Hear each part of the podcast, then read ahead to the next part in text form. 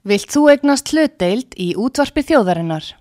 Sendu tölvupóst á hlutabref at útvarpsaga.is eða ringdu í síma 533 3943. Útvarpsaga stendur vörð um tjáningafrelsið.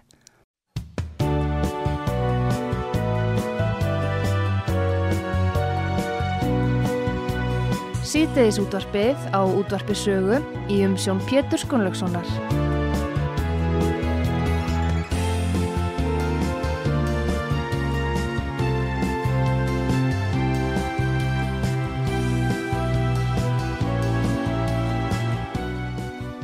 Góðir uh, hlustendur þeir að hlusta á útvarpsögu, ég heiti Pétur Gunnlaugsson og gerstur minn í þessum þætti er Augmundur Jónasson. Augmundur er sakfræðingur og hefur starfað sem fjölmiðlamaður uh, fyrirverðandi fréttamaður hjá Rúf og formaði BSRB og hann var alþengismadur og, og ráð þeirra velkomin. Þú er gengt ímsum stöðum. ha? Ég hef komið svona víða við, það er víða komið við. Og nú ert að skrifa bók um líf þitt, lífsreynslu og lífskoðanir. Rétt. Er það ekki? Jú, Já. þetta er svona bæði, Ha. þetta er svona speigill á mig sjálfan já. og mína samtíð. Og, Nú, nú var Rúsó skrifaði sínar játningar mm, og menn sögðu sko að það verði eitthvað marga játningar þegar verður skrifaðar af fólkinu sjálfu. Hvað segir um þetta? Er ekki svolítið erfitt að skrifa um sjálfan sig? Nei, ekki ef það er gert í því ljósi sem að ég geri. Ég er að, ég er að reyna að bregða eins konar spegli á minn samtíma Já. og að sjálfsögðu horfi ég á hann frá þeim sjónarhóli sem ég stend á sjálfur. Já.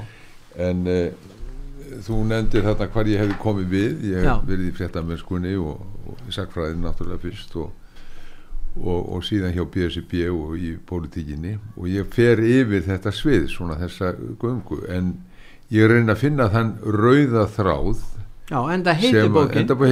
þráður. þráðurinn, já, þann rauða þráð sem að ég hef verið að spinna þetta líf mitt og það er ekkert erfitt það Nei. er bara skemmtilegt En ef við byrjum á náminu, þú, þú fórst að læra sakfræði og fórst til Bretlands og varst í Edinburgh.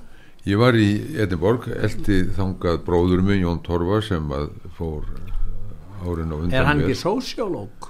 Hann er, eh, hann er, hann er eðlisfræðingur uppaflega og, eh, og síðan er hann, eh, eh, fór hann í eh, sálafræði og hefur verið, verið eh, starfandi við Háskóla Íslands.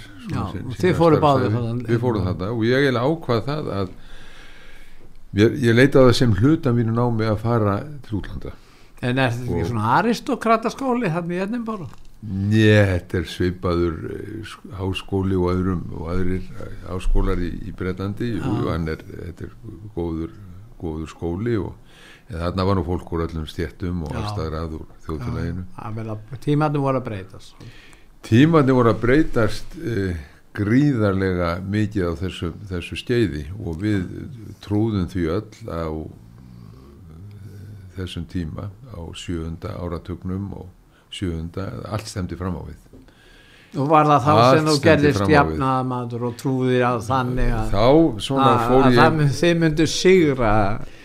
Já sko það var alltaf það var mjög sterk hugsun hjá mér alla tíð þessi jafnaðar hugsun þessi sósialíska hugsun. Ég segi nú í formála bókarinnar að þessi þrend sem að einkenni mínar skoðanir eh, það sé í fyrsta lagi e, sósialismi jöfnuður í samfélaginu. Mér finnst það vera eh, forgangsmál samfélagsins að tryggja jöfnuð ekki bara vegna þess að þessi réttlátara heldur líður okkur öllum betur í slíku samfélagi. Í öðru lagi þá er það anarkismi ekki svo tegund sem að hendi grjóti í fólk heldur uh, sem að losar okkur við valdstjórn og ekki bakkunin þess, þessi hugsun að e, losa okkur undan valdstjórn að menn séu ekki að ráðskast með okkur ekki ekki- undirgefni við valdi alls ekki, Það er það það, er bara grundvallar atriði Já. og í þriðja lagi þá er það e, frjálslindi ekki frjálshyggja en frjálslindi í anda John Stuart Mill liberalismi en ekki libertarian já, það er og liberalismi, liberal hugsun og hans, það stefi hans hugsun sem að reyf mig eh, alltaf og gerði á þessar, þessum tíma. Það var að sér hver maður ætti að vera frjáls svo lengi sem hann skadaði ekki aðra. Ef þú skadar ekki aðra með hegðundinni þá átt þú rétt á frelsi. Þú, hæk, þú skadar aðra með allt og hán sköttum er það ekki? Einhver fjálsingum að segja við þig já, svo, þú segist ekki skada neitt já, en svo viltu hæri skada fyrir jafnlega svo, svo er náttúrulega þetta sko, hvenar, hvenar skadar þú aðra og hvenar skadar þú ekki aðra? Og það er viðfánsefni í líðræðis samfélagi hvernig við, við spilum öllum eða stillum öllum þessum þáttum saman. Mm. og, uh, og það er ekki það er ekkert það er ekkert uh, augljóst í því efni. Á, á til dæmis heroin, heroin neytandi á hann að vera frjáls að neyta heroins þángar til að fyrir að lemja alla í kringum sín það trúmir að segja Eða, það þannig að fá gott neyslurými og, og það er hann bara og, að, að njóta þess með hann lifir jú, og þá, þá er þessi hugsun að við um að virða hans vilja og hans langanir en svo hefur samfélagi líka ákveðin rétt sem að eh, vaknar þegar að það þarf að svona takast takast eh, ávið þann vanda sem að þetta veldur samfélaginu og, og þeim sem eru honum samfélag þannig að þetta er, þetta er ekkit alveg augljós hvar landamærin liggja en þarna er þarna er, þarna er sá uppháspunktur sem við leggjum út frá. En þú ert komin að svona úr íhalsömu umhverfi að íhalsamir fjölskyldur á meginstöfnum til myndi ég, ég segja já, ég, já, það er nú stóra spurningin vegna þess að við erum orðin svo okkur orðin svo tamt að, að, að, að það er einst utavis Gunnar Dórótsen hann var íhalsmaður en sko vandin er þessi þegar við erum að draga fólk í dilka. Já að e, þá stillum við upp hægri mennsku mm. og íhalsemi annars vegar og vinstri mennsku og rótækni hins vegar. Þetta var auðveld. Já, er þetta miklu þetta var, miklu, þetta var svona rétt að því leiti að e, vinstri menn þeir hafa vilja breyta grunni samfélagsins svona, þessum grunni, þessum kapitalíska grunni sem mm. okkar uh, samfélagi í samtíðinni byggir á, það var þeirra rótækni en síðan náttúrulega varstu með þessa kynnslóð uh, sem uh, óks úr grasi á, á öndverðri öldinni sin leið sem að er að bylta íslensku samfélagi.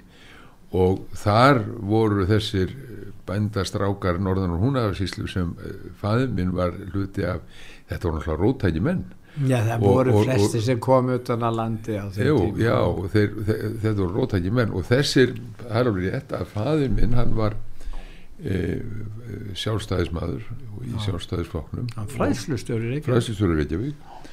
Og e, en hann var alltaf tíð svona rótækur í, í hugsun. Og ef við berum sama þessa hægri menn á þessum tíma við það sem við síðar fengum sem er svona, svona frjálshyggjan nýfrjálshyggjan no. að það er bara allt annað. Þetta, er, þetta voru þetta voru svona þetta voru svona hægri kratar mm. sem, að, sem, að, sem að eh, áttu margt sammeilitt með kratismannum í, í, á Norðurlandum en svo er móðum mín að hún kemur á annari átt. Er, þar eru vinstrimenn. Mm. Og hún var mjög félagslega sinnuð hún kaus nú ekki komana eins og bræður hennar Nei. heldur hvað svo Eistein og mér þótti það merkilegt að já. hún talaði um það framsóknar vinstrið altså. já, framsóknar vinstrið og gerði það allavega einu sinni tvirsvar og, og réttlæti það í, í, það gerði þú alltaf mér, neða, gerði nú ekki en, en samt skildi ég alltaf þessa, þessa tauk hjá framsókn þessa samvinnu hugsun og það sem að hún horfið til þegar hún talaði um Eistein Jónsson ég kaus Eistein þá var hún að tala um umhverfis á, áherslu hans á umhverfismál því Eisteinn var, var já, já, já, hann var mikill náttúru náttúru vendar sinni það voru alls konar pólitíkusar þannig. Nazistarnir voru það líka. Þeir voru með fyrsta raðunit já, já, en hann gekk mjög langt í þessu og var sjálfur og það sem að einnkjandi hann held ég og það er nokkuð sem ég alltaf hort til. Hvernig eru menn, hvernig fara saman orðir á endir já, hann var nokkuð heill í þessu held Já. ég. Og þar var mamma og svo náttúrulega fylgdi hún. Hann praktisera það sem hann predikaði. Hann praktisir það sem predikaði og þetta er náttúrulega grundu allar aðrið nema hún fór svo stundi kvenna frambóðið þegar það kom fram þig til að kringum- kjósa og fekk mig til að kjósa það, einu sinni. Það var áður en að kvenna, kvennalistin var til og við fengum uh, sko, þær, þær sögðu, mamma sagði hvenna frambóðið það er gott og rýmar við þínar hugmyndir um sósialisma mm. svona sæl vegna þess að það er alltaf að fella valdastólana það er alltaf að fella valdastólana og, og þannig var hugsun þeirra í upphafi svona róttæk uh, nálgun á samfélagi að þessu leiti en síðan var til kvennalistin sem að vildi setja jafnmarka konur og kalla ofan á valdastólana á þess að fella þá. Og þá varstu komið með kvotakerfi sem að ég hef aldrei hrifin af. Hvort sem er í sjávarútvegi eða í, í pólitíkinni. Hins vegar horfi ég náttúrulega ekki fram hjá því að margt sem að kvenna listin og þessar kvennar hefinga börðust fyrir þar á meðal jafnir rétti til stöðuveitinga og svo framvegis var mjög gott og gerði mjög mikið, mikið gagn í okkar samfélagi En ef við erum að tala um sósialisma vinstri stefnu þá verður svo spurning að hún verður eiginlega að koma fram að hvers konar efnahagsstefna geta nútíma sósilistar aðilst. Við höfum þá stefnu sósialdemokrata, þeir segja við viljum hafa kapitalisma í Svíþjóð og, og annar staðar. En arðurinn af framleiðslu getu kapitalismans á að renna til fólks í miklu mæli að þessu kosti og vera með sterka verkalýsreifingu öfluga velferðarstefnu og svo framvegs síðan koma menn eins og þú sem að svona voru torstrignir finnst mér ef ég lesa þessa bók svona rétt að mörguleiti í garð sósildemokrata og þá spyr ég þig og kannski þína Já. pólitísku bandamenn. Já, Hva- af treysti þið einhvers konar efnahastefnu sósialismans og hvaða efnahastefna ætti það að vera? Þetta- því að við viðkennum að kapitalismin er náttúrulega framleiðslu getan er gífuleg, það veit kynverski kommunistaflokkurinn og við getum lengi haldið svo leysa áfram. Hver er þín efnahastefna sósialisman? þetta er mjög góð spurning og þörf. Þetta er mjög þörf spurningin í okkar samtíð. Já, þú ert að koma út að sögu, við spyrjum svona. Já, rétt, það er ágætt. Og, og sko eins og ég sé uh, þessi mál þá ger ég nú ekki mjög mikið greinarmun á kratismannum eins og hann hefur þróast og sko markaðshyggju hægri stjórnmálana hins vegar, þetta hefur runnið að verulegu leiti saman eh, Þú segir Tony Blair er eins og. David Cameron. Það er það sem þú ætti að segja sko, svo ég vísi nú í, í bresku stjórnmáli sem þú þekkir nú svo vel. Margaret Thatcher, hún var spurða því einhvern hver, er, hver eru þín mestu afreg hver er þitt mesta afreg á þínu stjórnmálaferli? Hún svaraði bara með e- e- einu orði Tony Blair Já, en þú er að viðgjöra það það. Thatcher vildi ekkit velferðarsamfélag eins og Tony Blair. Hún vildi Nei, ganga miklu lengra en hún náttúrulega var stödd í umhverju og heimi þar sem hún varð að slá af jafnvel hún. Já, en hann, sko, ég hefði aldrei kosið verkamannaflokkin undir fórustu Tony Blair, aldrei það hefði ekki gert. Ná, það verður Vegna ekki þess að kosið neitt ef- Jú, jú, ég hefði fundið einhverja einhverja, hópa, já, já, og, og ég, hefði- hefði fundið framtíðina því að hún liggur hann einhvers Já, staðar. þú svarar ekki spurning það Nei, ég er rétt að byrja, ég er að byrja. Já, og sko eh, hvað er það sem að við þá viljum? Eh, ég held ég segi nú einhver staðar í þessari bók að til að geta mynda vinstri stjórn þá að vera til vinstri menn inn á alþingi er engi vinstri menn núna þetta er, þetta er, nei. Þetta er fyrst og fremst, uh, þetta er fyrst og fremst uh, hægri pólitík sem, sem Já, er, öllum það er reikin. Já pírötum líka. Já, sko, tökum dæmi. Já, þegar að Sigurður Ingi eh, kynir samvinnustefnu samtímas hver skildi hún hafa verið? Hún er að fara að rukka fólk á vegunum og hleypa fjárfestum inn á veginn og ofan í vasan okkar þar þetta er nýja samvinnustefna segir hann. Heyrðu, það voru allir þingmenn allir sammála því að gera þetta nema Odni Harðardóttir mm. samfélkingakona, hún var svo eina sem greiti allkvæði gegn þessu. Og ég get tekið svo mörg dæmi svona sem að, sem að bara lýsa því Hvað með er- leigubílstjóra frumvarfi núna? hvað með leigubílstjóra frumvarpi til dæmis? það er annað Hefði þú greitt atkvæða mótið? alveg tvímæla löst Það voru bara flokkur fólksins Og og, og miðflokkurinn sem atkvæða já, gegn þá hefði ég greitt atkvæði með þeim. Ég hefði verið átt, átt samleið með þeim í þessu. Og hvers vegna? vegna þess að ég vil að leigubílstjórar eins og aðrar stjettir geti búið við góð kjör ég sé ekkit of, menn sé að þetta sé orðið alltaf dýrt að gera í leigubíl. Þeir, þeir búi ekkert við góð kjöri nei, nei, nei, en ég vil að þeir búið við góð kjör. Já. og örug, ég vil vera örugur í leigubílunum og ég vil að þeir búið við góð kjör. Geti farið í sín sumafrí Já. geft bækur og farið í leikhús og svo framvegis. Já. og það að reyna að hafa af þeim þessi kjör Mm. eh, með þeim hætti sem nú hefur verið að gerast og nota bene hvaðan kemur skipunin um að fara þessa leið, það er náttúrulega frá Brussel. Já, það er þaðan sem hún kemur en látum þetta, þarna sem sagt eru, er ég, væri ég- væri ég ekki já, höldum, höldum áfram með hana. Já, sko ég er eiginlega að horfa til þess að við fylgjum eins konar skinnsemisikju við segjum skiluð við markasíkjunar og segjum hún á ekki að stýra okkur. Ég vil fylgja ákveðinni skinnsemisikju með, með jöfnuð að leiðarljós en er það framkvæmanlega? Já það er framkvæmið, skynnsemin er framkvæmileg Já, en, en skynnsemin en er einhver stað svona Skynnsemin, stefna? skynnsemin er hins vegar ekki framkvæmlega með ofbeldi. Það er það sem að varð, varð kommunismannum í Östur-Európu fjöturum fót Það að- var eina leiðin að komast á var með já, já, ofbeldi. en þannig gengur það ekki. Þess vegna verðum við að fá samfélagið allt með okkur í þessa, þessa för. En samfélagið e, undir merkjum kapitalismans og neysluhyggjunar og útþenslu kapitalismans það ræður ekki við þau vandamál sem að menn segja að séu núna Þú átt við til dæmis umhverfisvandan að, að búa til sífælt meira plast og, og, og drasl og batteri og ég veit ekki hvað, Með hvað, það er nú eftirspurn Já, það, það er bara hún sem á ekki að ráða í öllu. Og ég, við slumum taka dæmi dæmi um hvað, hvað eh, stýrir okkur. Við slumum segja að nú er, nú er, nú er túrismi, hann er að, í miklum uppgangi á Íslandi, það er mjög gott. Ég er, Já. ég er ánaðu með, með uh, Það eru háverð þar getur- og ríkir túristar Eh, get- sem koma frá Já, kapitalistum í sko, Já, en bandaríkjum aftur þar Já. þar þarf hófsemi líka.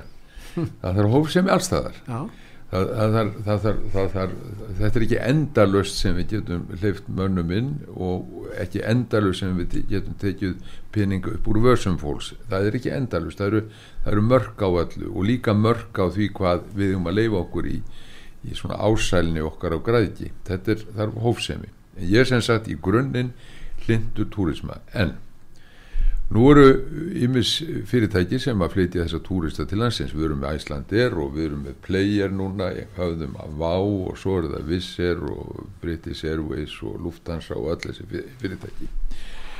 Þau stýra því, þessi fyrirtæki, þau stýra eftirspurninni með sínu verði og þetta túristarnir sem að með verðinu. Gott þú minnist Já, já, með verðinu, þau gera það. Og þau stýraði hver margir koma. Nú dettur þeim í hug að þau vilji tífalda flugið til Íslands. Já, player og vissir og allir vilja tífalda. Og þau segja við leifstöð við viljum tífalda ykkar þjónustu. Þeir eru altså að búa til eftirspurn. En þeir eru ekki já, að, þeir eru að lúta eftirspurn þeir ganga heldur svo búa langt. Flugfélög ganga svo langt söm í heiminum að þau eru orðinir eigendur flugfélagana og hótelana og þá getur borgað sig að fara á undirprís í ferðalæginu en ná í peningana á barnum en hótelinu þetta eru samkeppnisgreinar. Já, já, þetta eru samkjörnusgreinar og þá ákveða þau, nú ætlum við segjum player, við ætlum að tífalda flugið til Íslands. Og segjum við að, í Savi hérna sér á Le- leifstöð mm. heyrðu, við viljum tífald meiri þjónustu, við verðum að byggja miklu meiri rampa og við þurfum að tífalda mannablan sem þjónastur okkur. Já. tífalda, þau erum 2000 manns í viðbót. Ég bara slæði einhverjum tölum fram. 2000 manns í viðbót. Allrætt síðan reyna þeir að verða við þessu og það eru 2000 manns að koma. Hvað þýðir það? það þýðir 2000 íbúðir 2000 nýjar íbúðir. Það þýða líka e, e, hérna krakkar í skóla og það þarf fólk að fara í heilsugjastluna og það þarf að þjónusta þetta fólk. Þar kemur samfélagið inni það er farið að gera kröfur okkur. Og þá segi ég höfum nú alla þessa mynd inni þegar að við metum hvað er gott og hvað er skinsanlegt ég er að tala um skinsemmisíkjuna myndu það, ég er að tala um skinsemmisíkjuna annars vegar ertu með með, með hérna, markasíkjuna sem að óbeislu bara þenu sig út og það eru þessir nokkrir einstaklingar sem ráða öllu, ráða stefnunni og svo er samfélaginu ætlað að bregðast við og koma móti en hefur ekki rödd, hefur, ekki, hefur mjög fátaklega röddin á alþingi til dæmis í lögjafar samkominni og neðurstaðan verður svo að það er þenslu kapitalismin sem ræður. Og svo langt ganga stjórnmálamennir í að þeir fagna alltaf ef það er meiri þensla, meiri útþensla á sama tíma að þið segjast vera þykjast, vera berjast mengun og, og og, og útblæstri og batterjum og öllu tilherandi og það er þetta sem ég á við að, að kapitalismin þegar að þú spyrð fulltrúa flugfélagana eða þú spyrð flug, jáfnvel flug, hérna, fulltrúa Ísafja sem er ekki svona sem, sem fyrirtæki mm. þá svara þeir út frá forsendum hinnar sértækur lausnar þeir horfa bara á sitt fyrirtæki og sjálfan sig ég er að segja þetta gengur ekki lengur og hefur kannski aldrei gengið hver ástýra það? Þú og ég og við og, og við um að vakna hefur að kjósa fólk til að stýra þessu? Já sko við, við, við um að byrja á því alveg eins og með John Stuart Mill. Við sögðum sér hver maður á að vera frjáls svo lengi sem að hann skadar ekki aðra. Og svo byrjum við að ræða hér þetta er ekki svona einfalt vegna þess að hvað eru landamærin hvað eru landamærin á milli þess sem að mig langar til að gera og sem samfélagið allar mér að gera. Hvað hvar, hvar, hvar liggja þessi landamæri? Og það er ekkit augljóst alltaf nákvæmlega sama hátt með þetta. Það er ekkit, það er ekkit augljóst hvernig þú eigir að koma síðan að endanlegu niðurstöðum. En það sem er augljóst í mínum huga er að útgangspunkturinn er þessi að það gengur ekki að horfa á hinnar sértækulausnir að það sé bara sér hagsmunir sem að ráða för það verður að skoða málinn hildra en og þetta er sósialismi samtímans það er 8 miljardar mann í heiminum. Já. Það er eftirspurningin út um allt. Já. það sem að ræður uh, sko í raun og veru ferðin eru verðin. Verðin á markaði verða til mm -hmm. á markaskerfi þú ert að tala um skinnsemi síku þá áttu við einhverju einstaklingar sem við vantilega eru skinnsamir að þeir geti stýst öllum þessum verðmyndunum. Það er gerðsala út til okkar Nei, þannig að þetta, þetta, þetta getur ekkert verið já, þannig að þú ert að búa til kerfi sem lítur út vel út frá akademíunni frá, út frá sjónamiði hins skinnsama mann sem vil hafa uh, hófsemi og skinnsemi og eðlileg samskipt í mannlegum uh, samskiptum og svo framvegis. En markasæðkerfi er bara þannig að það er orðið, já það sem við myndum segja skrimsli en það er bara þannig að það stjórnast að verðu út um allt og frambóð og eftirspurn. Og þegar þú talar um flugfélög Panam mann ég, ég átti fullt af flugfélög með Panam og TWA sem er hérna fræga, fræga. Ég hefði óða gaman að svona hlutum. Og þeir fóru á hausin mm -hmm. Transworld Airlines sem að Howard Hughes átti fóru á hausin Panam sem átti einhverja flottustu byggingu í New York, þú tekir það það fór á hausin þegar að þessi félög sem þú ert að lýsa haga sér óskinsanlega far ekki eftir réttum verðum far ekki eftir frambúið eftir spurn og þá býður þeirra bara gjaldtróttir og skiptastjórin og svo er ekkert að selta einhverjum öðrum. þannig er þetta reggin Já, en þannig geta þeir líka kert til samfélög í þrótt vegna þess að Tíma, þeir tímabundi já, líka, já, en líka til, til, til lengri tíma og ég, ég held að ég, sko, ég, nú þóri ég ekki alveg að fullir það af því að ég kann ekki nákvæmlega þessi dæmi en mér hefur verið sagt og ég held ég farið mér rétt mál að einhver staðar á uh, söður eigum, hvort það er í Karibahafun eða einhver staðar þar sem er túrismi mikil mm.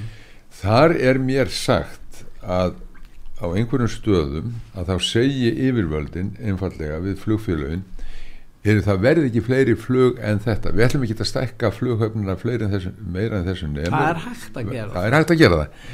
Með öðrum orðum að þannig er komin ein, ein ráðstöfun sem að stjórnvöld geta bynlinni skripi til og sagt til það bara komið alveg nóg að verður, verður ekki, þetta verður ekki svona mikil ádegni á þetta. Og við þurfum ekki alltaf að svara öllum duttlungum markaðurins en Ég þú var- ert að stjórna, þú ert að lýsa stjórn á litlu yfiráðsvæði eins og Íslandi. Já. þannig að því raun og veru ert að segja að Ísland gæti starfað á þessum grundvelli.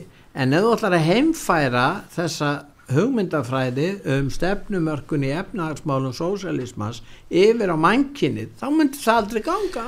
Sko, ef að við horfum núna á uh, þá þróun sem er að verða í markaðshagkerfinu mm. að þar er reyndar markaðurinn að hverfa vegna þess að það eru allt aðrir aðilar sem er að taka þar völdin. fjármaskapitalistarnir er að skapa einokund það Já. sem já, það er, Það er það sem er að er- gerast er og þeir, þeir eru er- að þeir, þannig að þetta, þetta samkeppnismódel En getum við ekki náð aðila- sátt um það að aðhellast framleiðslu kapitalisma þar sem er samkeppni og það, þeir sem eru hættulegir eins og þú bendir á eru peningakapitalistar þannig að búa til einungunar starfsemina Ég en sko- ef við höfum framleiðslu kapitalisman Já. þar sem er samkeppni til að halda niður vöruverði fyrir neytandan og fyrir almenning og fyrir skjólstæðinga í verkalýsreifingun og svo framvegis Jú, á ymsum sviðum, ég tekið undir það að á ymsum sviðum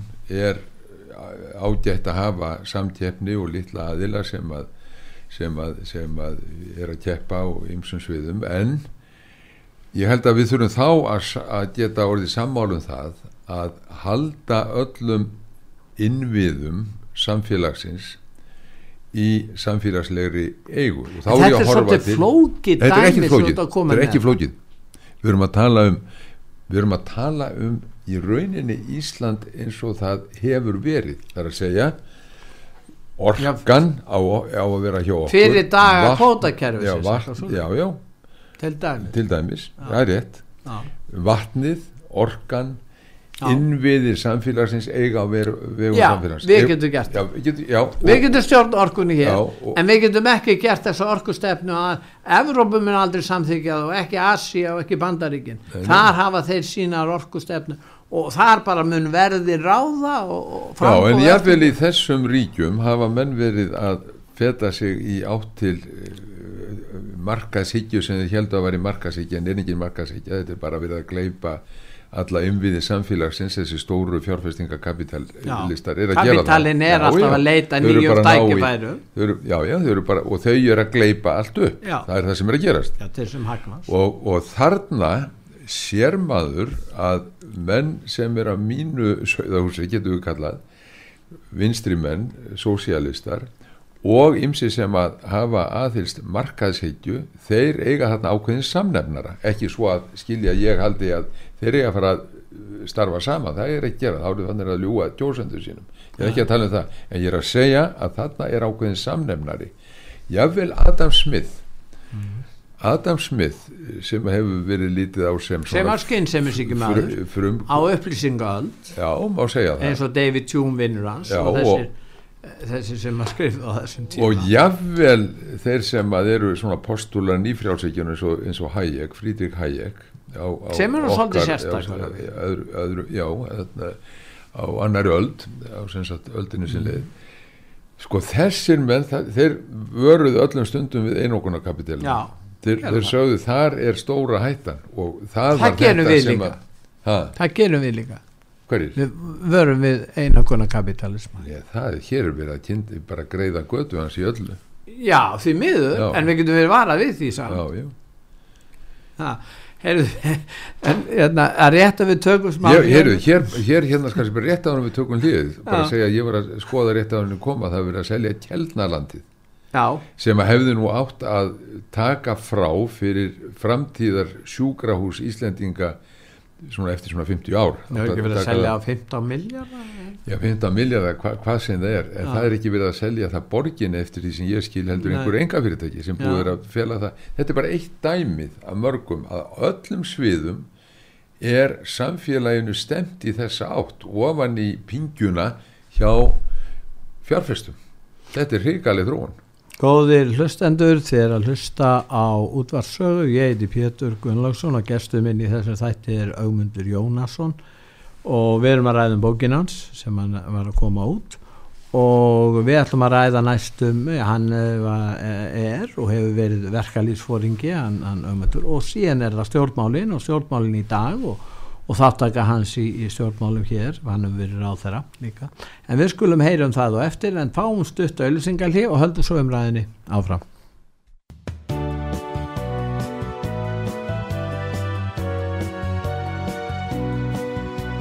Síðdeðis útvarpið á útvarpi sögu í umsjón Pétur Gunnlaugssonar.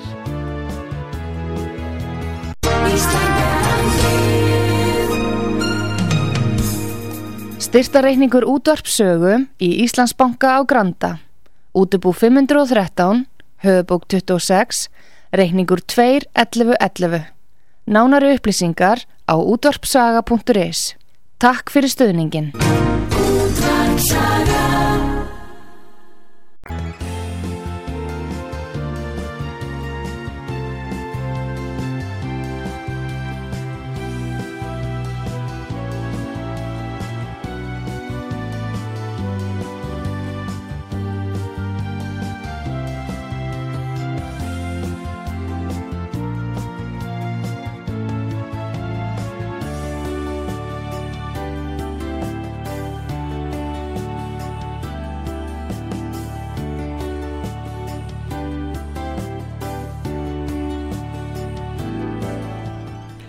Góðir hlustendur, þeir að hlusta á útvarpsögu, ég heiti Pétur Gunnlaugsson og ég er að ræða við hann Augmund Jónasson.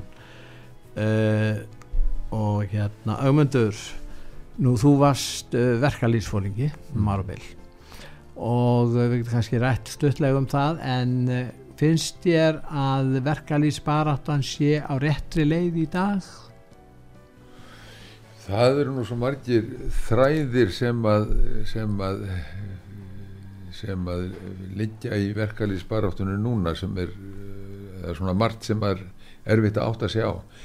Ég held að sé margt mjög gott að gerast. Það, það er, það er kröftu umræði gangi og, og uh, fólk er ekkert að fela skoðanir sína, það er bara eitt besta mál. Verkalýsefingin er nöðsileg, frálsíkjumenn segja að uh, kjör manna batni með mögnum hagvexti Já. og verkalýssefingi sé óþörf kannastu við þessa sko? Já, já, hún hefur alltaf verið talin óþarf sko, og getur alveg gert sig óþarfa ef hún hættir að ef hún man ekki lengur ætlunaverk sitt sem að, sem er að tryggja jafnræð, jöfnuð í samfélaginu og jafnræði inn á vinnustöðum og í samfélaginu gagvart fjármagninu og þeir sem að, þeim sem að hafa völdin í sínum höndum en ég svona hef uh, hérna mér hefur fundist líka margt afbúlegt verið að gerast þar. En var- þess ég að við var- opnum landamærin sem að, að stefnin á hér streymir fólk úr öllum áttum við euróska efnarsvæðið og svo jafnvel þeir sem eru utan við Evrópu fá að koma hingað og fólki streymir hingað er ekki verkalýsreifingin þó að það standi í reglum að, að allir eiga að hafa sömu laun eða lámarslaun samkvæmt tökstu verkalýsreifing þá, þróist þetta ekki með þannig hætti. Þannig er það ekki til bandaríkjunum eða Brelland Nei, sko, þá er hættan svo að, eða hættan er svo alltaf og hefur alltaf kannski verið en núna í auknumæli að að, eh, að þú, þú hverfir frá þessum takstakerfum og þessum réttindakerfum sem við búum við. ekki, þú getur ekki fylgst með þessu Já, jú, það er, það er alveg hægt að gera það og, og, og við erum að varðveita það. Við erum hér með það enn í lögum enn og vonandi áfram að, að það á ekkert að vera hægt að greiða undir lámars umsömdum launum uh, hinn valkostunum væri að hafa lögbundin lámarslaun og síðan mark, bara reði markaðurinn þar, þar, þar það eftir?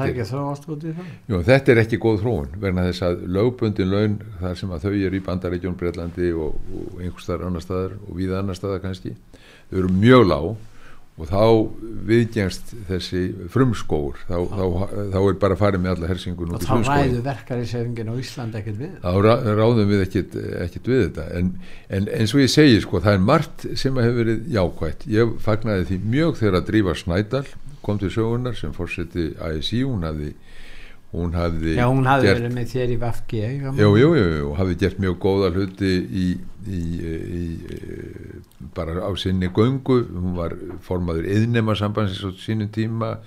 Hún var framkvæmdastjóri eh, starfskreina sambansins og, og það kom með henni svona ferskur eh, blær alveg ekki nokkur vafi á því inn í, inn í reyfinguna og síðan kom Solveig Anna þarna inn Jónsdóttir, þetta er líka mikil vinkona mín Og, og, og ég fagnaði því að fá hana og, og kröftugan málflutning fyrir hönd láleina fólks hún stundi sósilistaflokkin alveg mm -hmm, smára, gerður þú það líka? Er þú komið þánga? Ég, ég sko, ég eiginlega kýsa að horfa eða svona skilgreina mig ekki með hlýðsjóna flokkum en margt af því sem að þau eru að segja sósialistarnir, mm. það er náttúrulega nákvæmlega sama og ég er að segja. Mm. það er að segja að það eigi að, eigi að hérna standa vörðum minna félagslugu lausnir og þar, þar er ég og þar hef en ég verið. en, en þá förum við út í, í politíkina eins og neða núna. Þú, þú að sínu tíma á samt vinnin umbaldri hérna, Jónasinni frá, frá Húsavík. Þeir stopnuð ákveðna reyfingu sem er svona undanfæri Vafge finnst þér að Vafki hafa, hafa svikið sín grundvallar sjónamöðum sko það er rétt já þú ert komin í, í sósílistaflokkin eða svona leiðinni eitthvað staðar í, í nákreininu ég er bara það sem ég alltaf verið sko. það eru aðrir sem hafa verið að já, færa sig um set. Ég, ég er bara nákvæmlega það sem ég verið þú er bara sko. íhjálpsam sósílisti ég er bara, bara skynnsemis higgju sósíalisti sem vil jöfnuð. Ég vil hérna, frelsi frá, frá valdbóði og yfirgangi, ég vil ekki láta ráðskast með mig, það er það sem ég vil.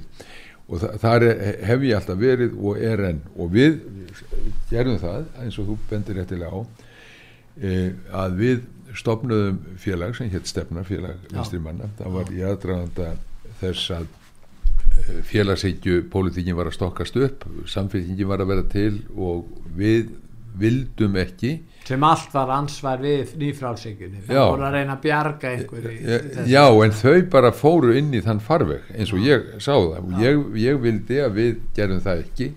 Við heldum okkur við andstöðu við NATO. Já. við værum legðum áherslu á jöfnuð við, við, við, við eruðum andvík marka engavæðingu hérna félagslegu þátt í samfélaginu Pussins og Símans og helbriðstjónustunnar og skólan og svo framviðis við vildum hafa stjórnmála afl sem að passaði på þetta. Ja. það er það sem við vildum. Og þú spyrð hafa menn fær sig frá þessu? Já Katri Jakobsdóttir er fósittisáþra búin að vera núna í fimm ár. Uh, til átalsvert hafa haft umkvörnismálin á sínu tíma og og hafa völd þarna, talsverð mikil völd flokkurinn er ekkert mjög stór. Uh, miða við það þá myndir kannski Katrín segja augmundur ég er að reyna að ná því besta út úr þeirri erfiðu stöðu. Ég er með lítinn flokk en samt ráðu við miklu. Hva? þetta er ekkit erfið ég myndi segja að það væri ekkit erfið staða. Er, við erum í samfélagi sem að býr við ágæta hagsæld og uh, við erum að fá inn mikla peninga í gegnum túrisma og ímislegt sem er að gerast hér í okkar uh, atvinnulífi og okkar land býður upp á. Ísland kallar á ferðamenn. Mm. og við eigum alla hennar fisk í sjónum sem við þurfum að skipulegja betur hvernig við nálgumst með því að afnema þetta kvotakerfi sem við búum við núna. Þetta er það sem það er að gera. Og þetta er svo brínt að það er ekkert annað sem það er ekki sem kallar Hvað er brínt? Að breyta efnarstefnun Já, til dæmis að breyta kvotakerfinu Já, það, það er mjög, ég menna sjálfstæðisflokkur og framsótt fallast allt ekkert á það. Nei, þess vegna eigum við að berjast fyrir því. Já, það hún er... komið til og þessi skiptir engum máli, hún segi það á að hérna, þjóðin á að eiga auðlindina en það á að borga eðlilegt verð. Þa, þannig erum við sko, komin út í einhvers konar umræðum hvað er skinsanlegt eðlilegt verð. Einam raun að hafa verðið er bara markasverð Já, sko það sem að við vorum nú með í gangi hérna herf, hvað ég var að kalla það fundaferð, fundaferð Já. sem hétt Kótin heim, það var að því hún nefndi sósíalistaflokkin Gunnar Smári Já. var með mér í því uppalega og, og er en, við erum enn svona með það undirliggjandi Kótan heim þar sem við vildum afleggja þetta kerfi og þegar þú talar um tillögur þá er það alveg rétt að Vafge var með tillögur, samfélkingin var með tillögur við vorum saman í ríkisjóð Já. en heiktumst á því að koma þessum tillögum í í og það sem við vildum gera í samkvæmt okkar tillögum var að, að skrifa kerfið niður eða, eða afnema því áfengum 5% ári, 20 árum vildum við gera það. Þriðjungunum færi til byggðana e, og þriðjungurinn færi á markað og þriðjungurinn e, færi það var, það var svona mál, málamiðlum þetta færi til útgjörða fyrirtæki sem að hafa það varð ekkert af þessu. Nei, hafa kótan en gegn gjaldið, þetta vildum við gera og samfélkingin var jafnvel enn róttakari en, en við og, og, og, og hvorugur stóðu við þetta. Og ég held að meinsemdin í okkar stjórnmálum sé að, að flokkar eru að hlaupa frá því sem þeir lofa kjósendum um of og segja svo það er, þetta er það besta sem við getum gert og svo framvis, ég bara hlusta ekki á þetta. En nú gerðist þetta er, þetta er, þetta, þetta eðilengur stjórnmálin. En þú, ge- það gerðist í þessari ríkistjórn að fólki misti heimili sín tíu manns talaðu um. Hva- Hvað hva með það? Hvað hva fannst þér um það? Ég meina við sáum það að lögreglan var að bera fólk hér út á götu sko, mér fannst Hvað hva fannst þér um það? mér fannst það slæmt, mér fannst það alveg afleitt og, og ég held að Var hægt kannski- að stoppa þetta? Já. sögðu þeir einlega Já, allþjóða gældri sjóður gerir þessa kröfu, segir Stengrimur og Jóhanna og við verðum að hlýða því sem þið segja, hans fá hinga Sko. peninga frá þeim. Já, ég held að ég held að það sem við áttum að gera og ég lagði til að yrði gert í, á, í oktober byrjun árið 2008 þá sem formaði BSB en jáfnfram þingmaður á fundi með Geirhorti, þá var hendi fórstisráðura og Ingebergur Solrún og Gísladóttur utanriksráðura formans samfélkingarinnar á þeim tíma að við tækjum vístölun og sambandi. Bara, bara alveg í kvelli og ég man að, að Gilvi Arbjörnsson fórseti alltíðu sambands Íslands og þeir bröðust mjög hart við gegn þessu. Út af lífyrsjóðskerfum. Já, meðal annars út af lífeyriskerfinu og, og spurðu hvað ætlar það þá að gera við lífeyristegana og þá sem að e- e- eru treysta á sagt að peningum þeirra sé haldið e, í, í, verð, sama verð, verði og verði með verðtryggingu.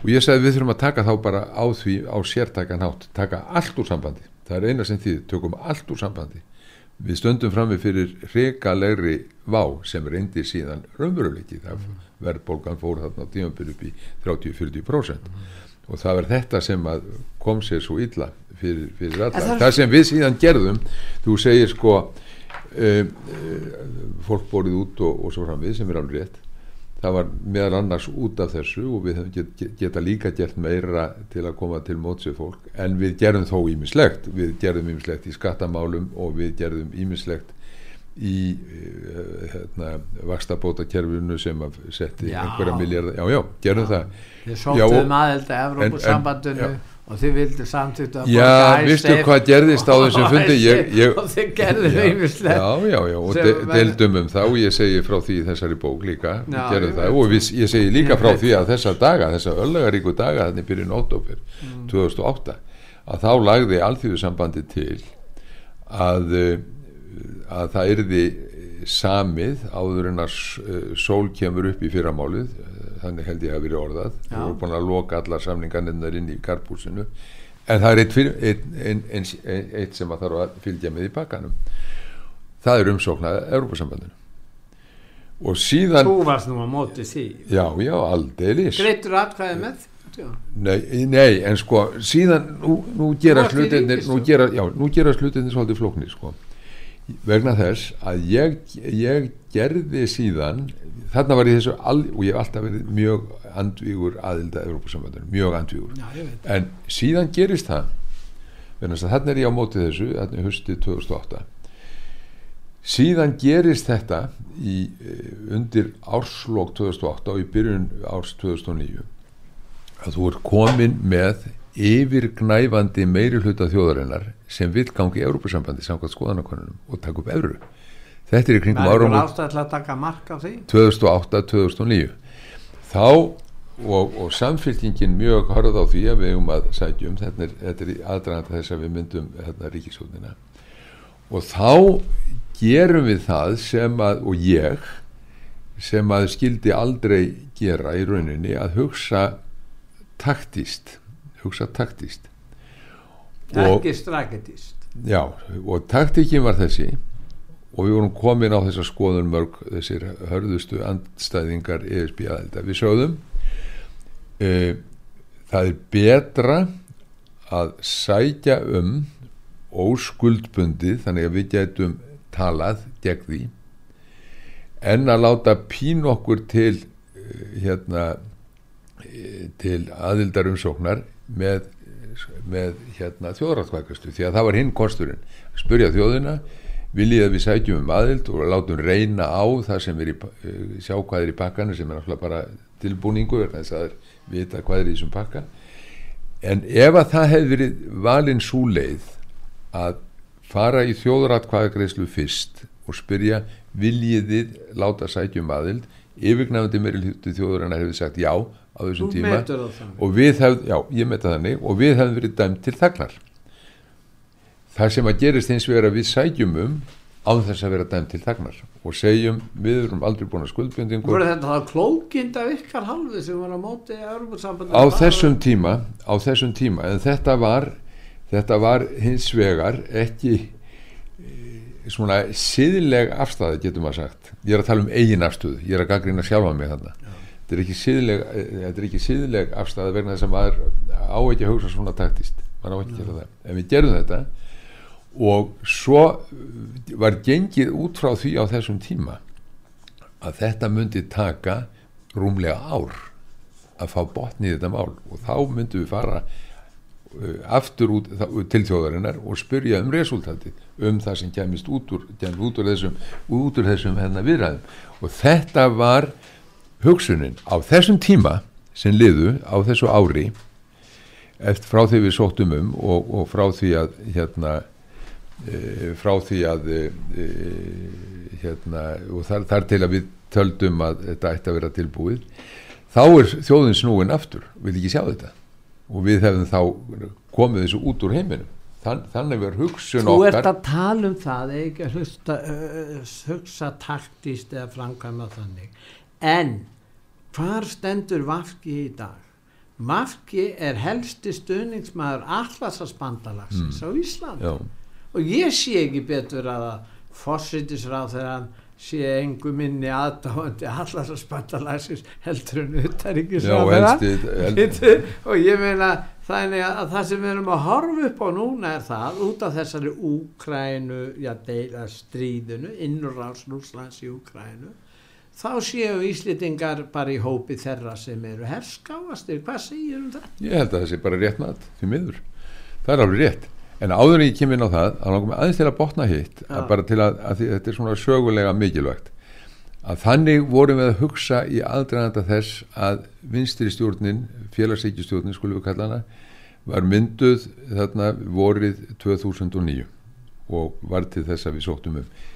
Við höfðum hins vegar komist að þeirri niðurstöðu, VFG, áður en gengið er frá málunum, að við ættum að spyrja þjóðuna fyrst. Við ættum ekki að sætjum aðild án þess að var spurt þjóðuna. Það var okkar niðurstöða.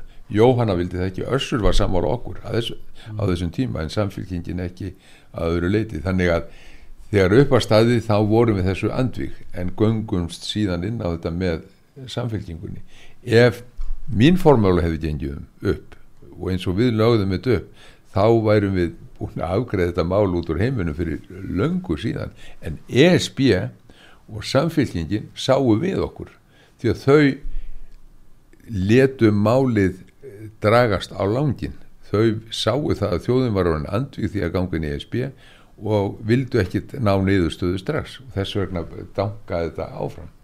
Þetta var, þetta var leiðindamál. Eftir leiðindamál. þessa, þessa stjórnarsetu sem laug 2013 þá hefur Vafki ekki náð vopnu sín Nei og þú ert að nefna þetta dæmi, ég var, vildi nú ekki hlaupa frá því, þú ert að nefna þetta dæmi með allansbandalagi NATO.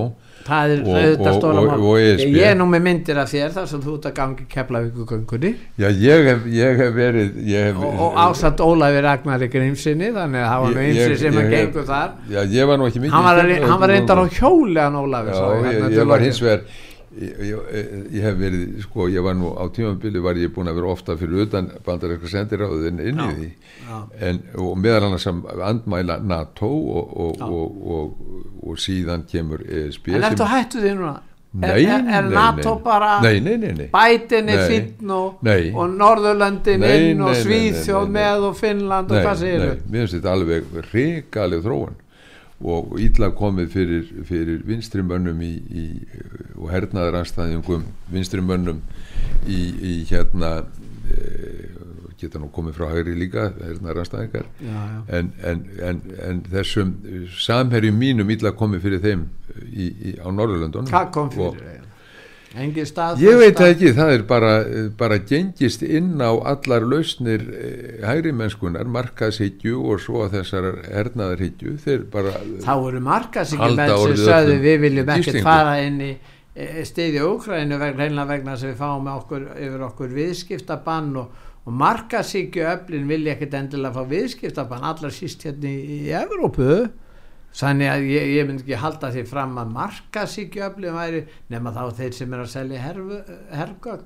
Ég myndi ekki segja það? Ég myndi segja businessmenn í Evrópu og jafnvel bandaríkjónum og Asju þeir sér ekkert um þetta Sko, þessi- þessi þessi- átök við rússana þessi hérna, eh, nei, sko, það sem að, þetta er náttúrulega, er erfitt mál þetta Úkrænum mál Já. að því leiti að, Innrás er innrás. Já, innrás er innrás Já. og, og menn andvíir henni Já. og síðan vilja menn ræða það frekar og þá er það bara bannað já, þá er bara bannað, þá er ekki hægt að ræða það þá er, Þá er ekki hægt að ertu- semja frið. ertu, þá, ertu þá að verja Pútín og ertu að verja árásastefnu og svo framvegis nei, menn er ekkit endilega að gera það menn vilja ræða þessi mál og þegar að það gerist eins og nú hefur gerst að vopna yðnaðurinn hann, hann ræður för já, hann ræður för og hann er gríðarlega sterkur það var ekki að ófyrir sinni að, að Eisenhower, Dwight Eisenhower fyrir um fórseti Þegar hann var að hætta.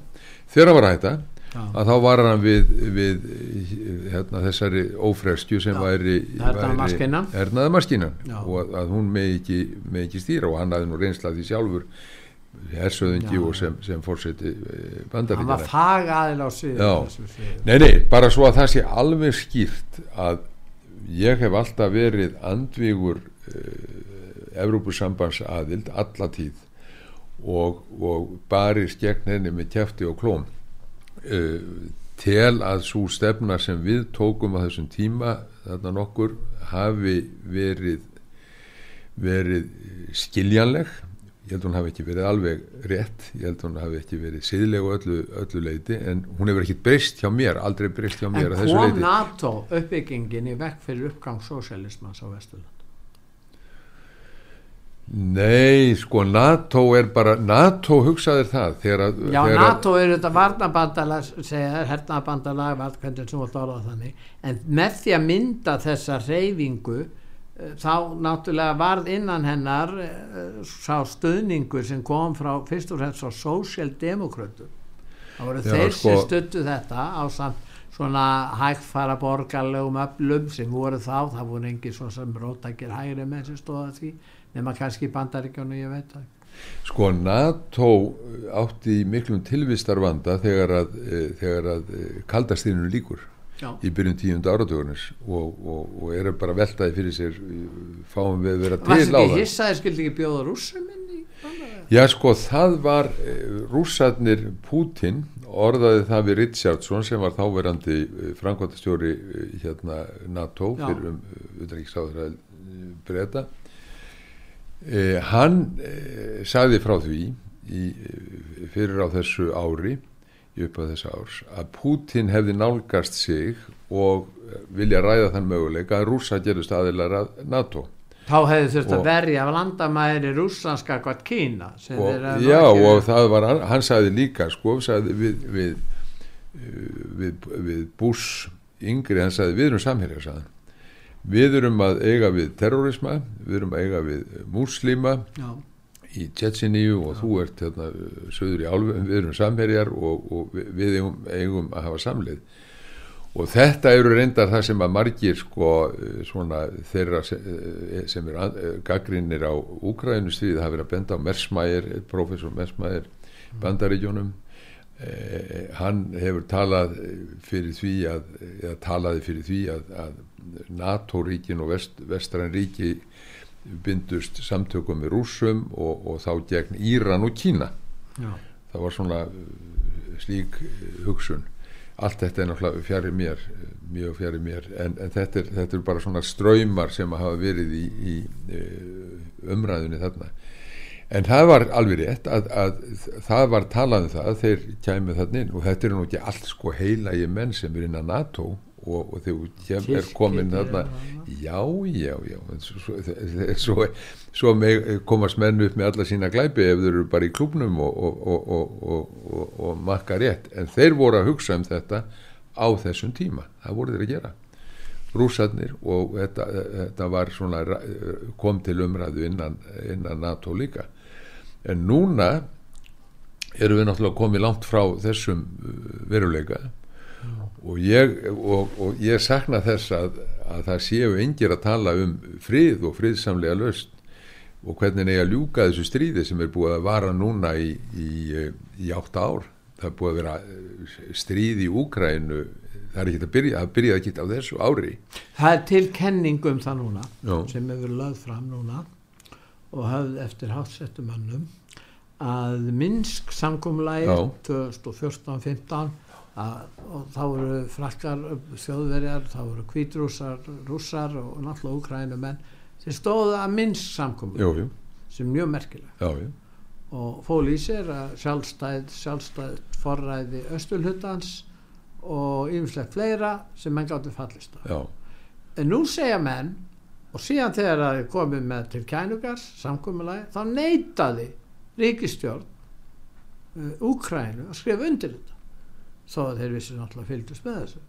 Og þá segja menn þetta var sett á svið þetta var blekking það stóð aldrei til að gera neitt úr þessu þetta var til að kaupa tíma til að herfa eða Úkrænu og auka æfingaprógram til þess að þeir gætu orðið svona miðlungsherrveldi sem þeir eru í dag ég veit ég meina, hefur heyrt já. þessa kenningu Já, ég, það sem ég hef heyrt í þessu er að Minsk samkomulagið eh, sem að átt að vera undir svona eftirliti frakka og þjóðveri Já. að koma í en, fra, en framkvæmd. frakkandir fúlir út í stöðun eins og er núna Já, þe- þetta samkomulag eins og þú réttilega bendir á fól í sér sjálfstæði austurhluta Úgrænu þar sem að var stríð þar sem var stríð þess að þeir fengu ekki að taka lara úrsnensku Sem- sem var náttúrulega bullið í og, og uh, þar var stríð og það, þetta var leið til að benda enda á Já. það. Að þeir yrðu fengju sjálfsforræði í innan landamæra Úgrænu Já. innan landamæra fengja Úgrænu stjórna mentakerfinu en þessu var aldrei já, og svo framvið þessu var aldrei fyllt eftir þessu var aldrei fyllt eftir og það sem að vantar núna í stað þess að fara á þessa NATO fundi og, og taka undir eins og Íslandingar að gera eh, að taka undir frekari herrvæðingu, meiri vopn og fleiri miljardar til að til að kaupa enn meiri vopn og enn meiri sprengjur að þá eiga menn að beina sjónum sínum að mögul af, af, hva- hvaða kostur er í stöðunni til að koma á friði.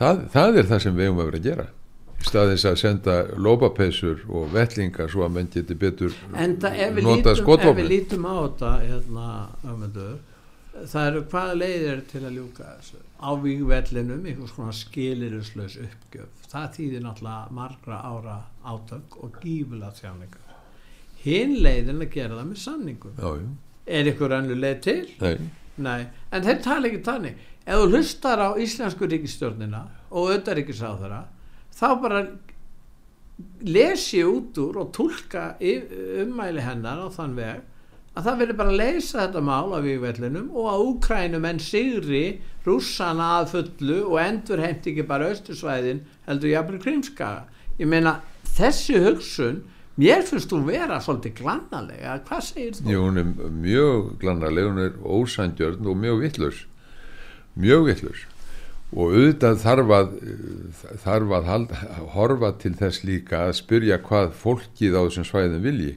Á Krímskaganum þegar Krímskagin er innlimaður í Rúsland 2014 var það ekki að þá uh, þá, þá satt ég á þingi Evrópuráðsins í Strasbourg og við samþyktum þar álíktun sem var mjög harðurð í Garrúsa og, í Garrúsa og, og, og ég vildi, ég kom með breytingatölu og vildi bæta inn í að þetta virða landamæri og vilja íbúana. Vilja íbúana. Svo til að hafa felt það var felt og þetta eru nú okkar bandamenn hér á Vesturlöndum sem fellar svona til um, um líðræði að fólki fá að ráða þessu sjálft. Ef við förum að tala um bandamenn svona, förum að luka þessu á því sem er alveg nöðslega að ræða við þig. Það er í sambandi við alþjóðlegt samstarf alþjóðavæðinguna og þú talar á hann að hægur og vinstri það er ekki það sama og var í gamla daga. Að er, nú er það bæði hægri og vinstri menn sem eru algjörlega andvið í því að verður að framselja ríkisvald til dæmis frá Íslandi til alþjóðleira stopnana sem að ráða því hvað gerist hér í landi. Og síðan eru það aðri flokkar flokkar sem kallast frjálsíkjuflokkar, hæriflokkar, sósialíski flokkar sem vilja endilega stór auka afskipti alþjóðavæðingarinnar hér á Íslandi vilja jafnvel skrifundi það að við framseljum til allþjóða helbriðismálastofnunar eh, hérna, framsala á, á réttu okkar í helbriðismálum og það má lengi telja World Economic Forum sem er með þessa fundi í Davos þeir eru farin að kalla til sín ekki síst unga efnilega stjórnmálamenn jafnvel fórsýttisráþara Íslands Trudeau og fleiri. Þar komi, koma þessi menn saman á fundum og, og, og ráða ráðum sínum. Hvað er að gerast þarna? E, erum að taka, að taka undir þetta? Erum að sætta okkur við þetta?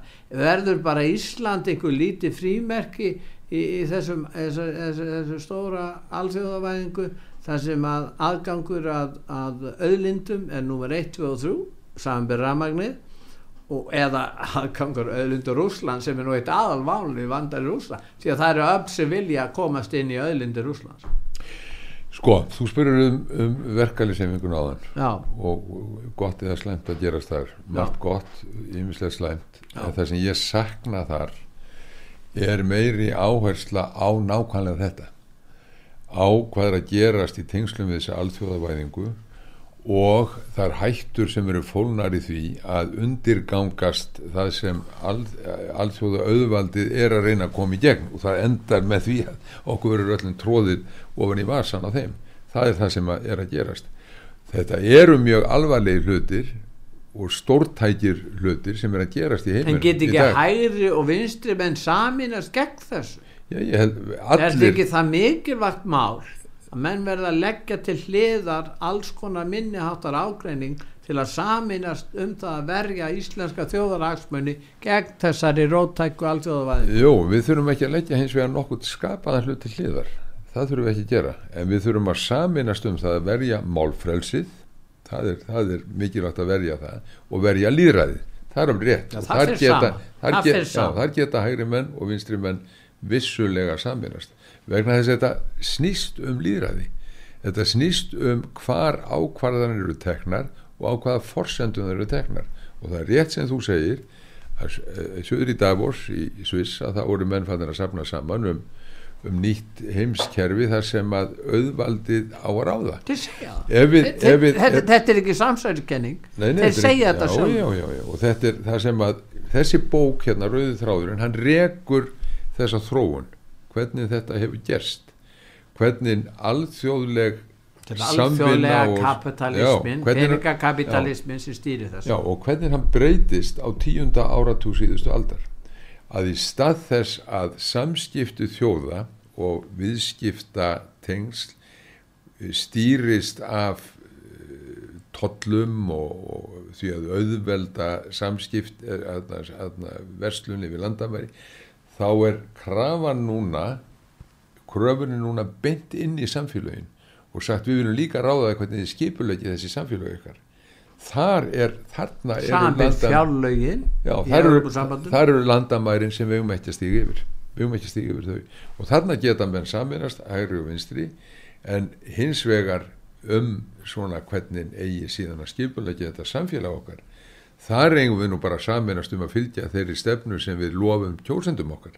Því ef við gerum það ekki ef flokkarnir hætt að gera það sem því miður hefur verið að gerast á, í, í setni tíð þá erum við líka með þeim hætti að grafundan líðræðinu og trúnni á, á líðræði að það virki. Og hún, hún, á, hún á núna í vöka verjast þessi trú Við verðum að fara að ljúka þessu í lokin, ég vil gefa þér færi á því að, að metta núverandi ríkistjórn hvaða skoðan þú hefur á henni og því sem hún er að gera. Já, við erum búin að taka það núna. Ég horfi með miklum áhyggjum á það sem er að gerast þegar kemur að e, svona skipulagi á grundvelli Íslensk samfélags. Ef við horfum á auðaníkispolítikina þá er hún orðin fullkomlega gaggrinnislaus hvað, kem, hvað, hvað NATO áhærir þar erum við orðin bara áskrifundur af harðvítugri hernaðastefnu sem að er, er hlýtur að vera mikið áhugjefni og í engu samræmi við þau prinsip sem að vinstir hefingin grænt frambóð var stopnað á komið langt frá því. Við erum líka gaggrinn á það ógaggrinn á það sem er að gerast eða við, sem sagt stjórnvöld ógaggrinn á það sem er að gerast innan Evrópusambansins og skipanir sem koma þaðan. Við vorum að tala um leigubíla frumvarpið, þetta er bara skipun frá Brussel, þetta er ekki annað. Og þú þa- tókst eftir hörkunni Já, já, og, og svo er or, orku pakkatin líka, ég get nefnt það líka sem dæmi, bara eitt dæmi þegar ég var ráð þeirra á sínum tíma og vildi tengja samgöngur við leifstöð strætisvarna þetta kerfinu á Suðunisum Já. þannig að það gagnaðist Suðunisum öllum eh, og þetta var það komu andmæli gegn þessu að þetta er gert. Hvaðan heldur að það hafi verið? Það var frá Brussel. Nú, Já, hvað kom þeim þetta? Já, þetta væri ekki alveg í samræmi við ítrustu kröfur um samkjöfni Ja. og þá vorum við að tala um það hvernig við gætum samtvinna þetta svona samfélaginu þetta söðu frá Já. til hagspóta og það, það var nú einn maður sem að stutti þetta þá það var Ásmundur Friðriksson Já. í, Þingmaður í, fyrir hans- Suður. í, í hans maður en hann var, hann var á þessu, þessu máli með mér en þarna, þarna fekk ég ekki samþekki fyrir þessu þinginu vegna þess að Evrópusambandi hafði mælt öðruvísi fyrir um og það er þetta sem ég er að segja að um leið og við hættum að standa í fæturnar gagvart þessum tilskipunum og þessu valdi, þessu peningavaldi því að, því að sko ég er, ég er fylgjandi samstarfi Evrópuríkja, ég er fylgjandi samstarfi á heimsvísu Já. vísindi, rannsóknir, mannúðamál og svo framvegis, náttúruvend en þetta er bara allt annað þetta er, þetta er ekki þetta, þetta eins og, og, og dæmin sanna þessi, þessi alþjóða samvinna er fyrst og fremst á forsendum auðvaldsins En er, að vinstir grænir og fórustan þar, er hún bara komið þarna inn? Ég held að öll pólitíkin á Íslandi sé komið þannig inn. Meir og minna er En þú ert kannski ekki hissa sjálfstæðismenn ég er, ég er að tala um þá sem sita á þingi. Ég er að tala um um, um bara umræðun á alþingi það Mm. sem vantar þar það sem vantar þar er að menn En kemur menn, þeir ekki óvart þess að þú, þú varst að stopna vafki að Já. þeir skildu fara þá því á þessari leið? Ég, ég, mér finnst þetta bara sorglegt og, En þeir segja við verðum að halda í valdastólana þannig. Er ekki betra að þeir haldi ekki valdastólana ég vil frekar að þeir haldi bara í sínur hugssjónir Já, og því sem þau lofur sem að kjósendum voru gefin menn að gera það. Og ef menn gera það þá mun þeim farnast vel þá mun okkar samfélagi farnast vel. Loka orð, þakka þið fyrir. Þakka þið fyrir. Og þakka þið fyrir að koma til okkar. Takk. og ég þakka hlustendum út var sögu fyrir að hlusta. Verið sæl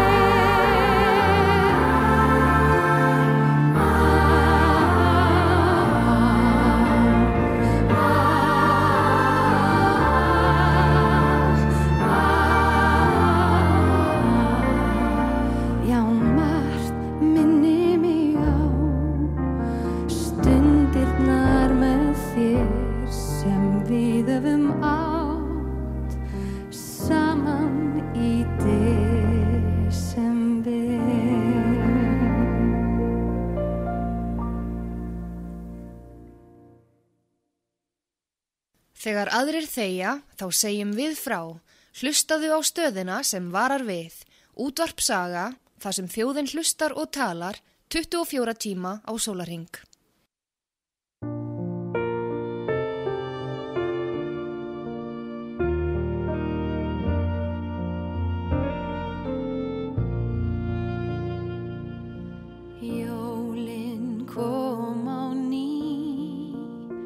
Það þarf að hafa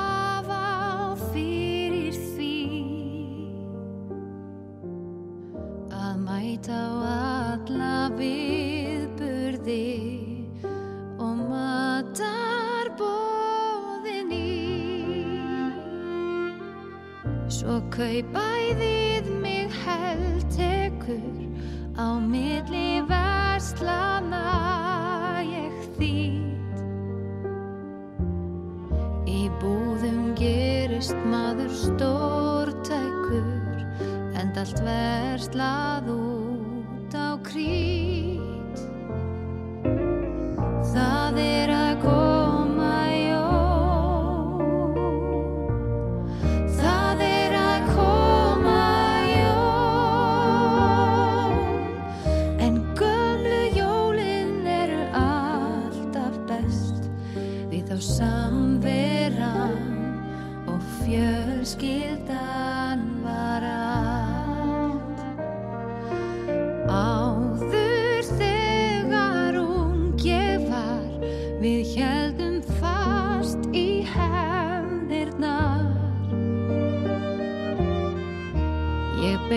árið fram á aðfangadag til að sjá til.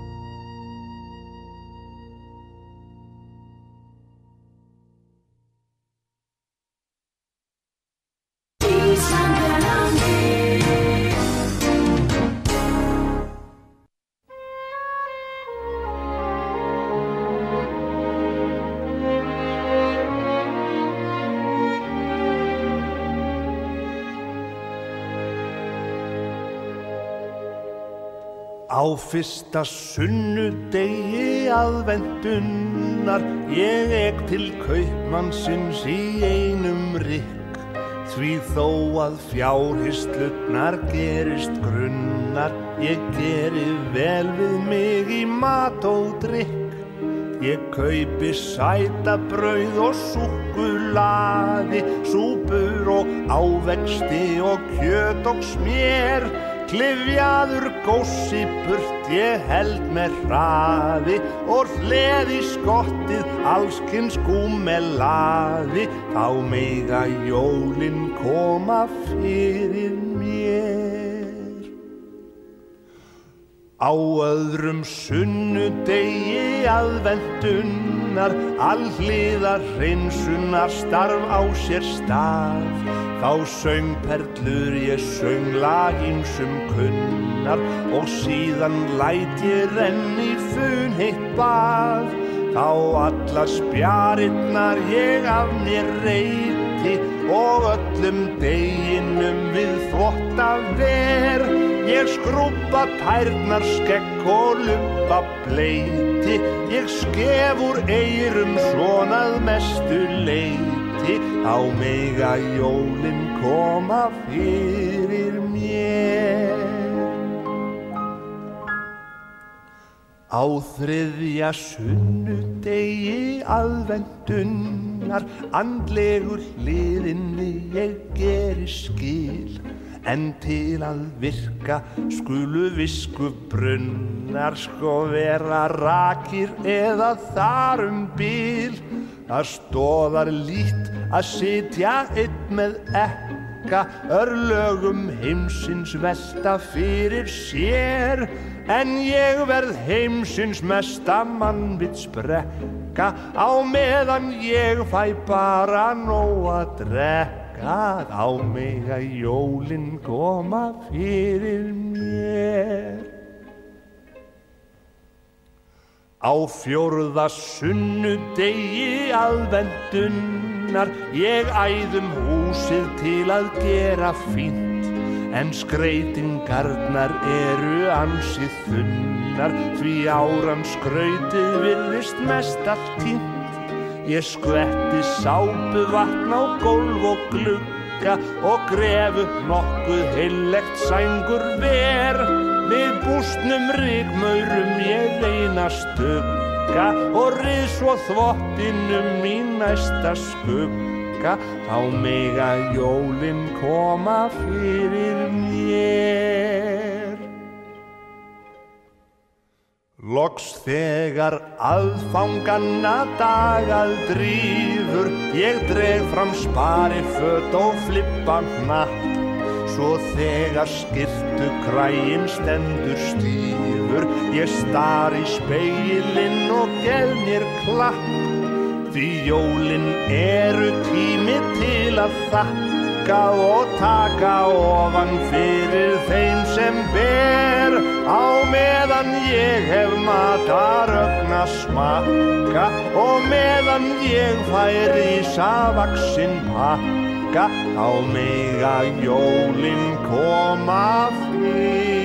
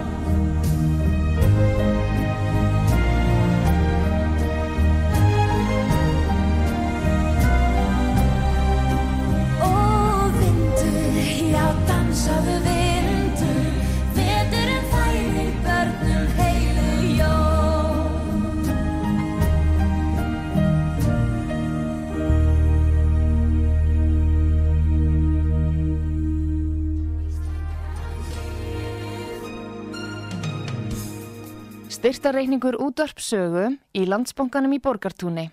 Útibú 133, höfubók 15, reikningur 10.100. Nánari upplýsingar á útvarpsaga.is. Takk fyrir stuðningin.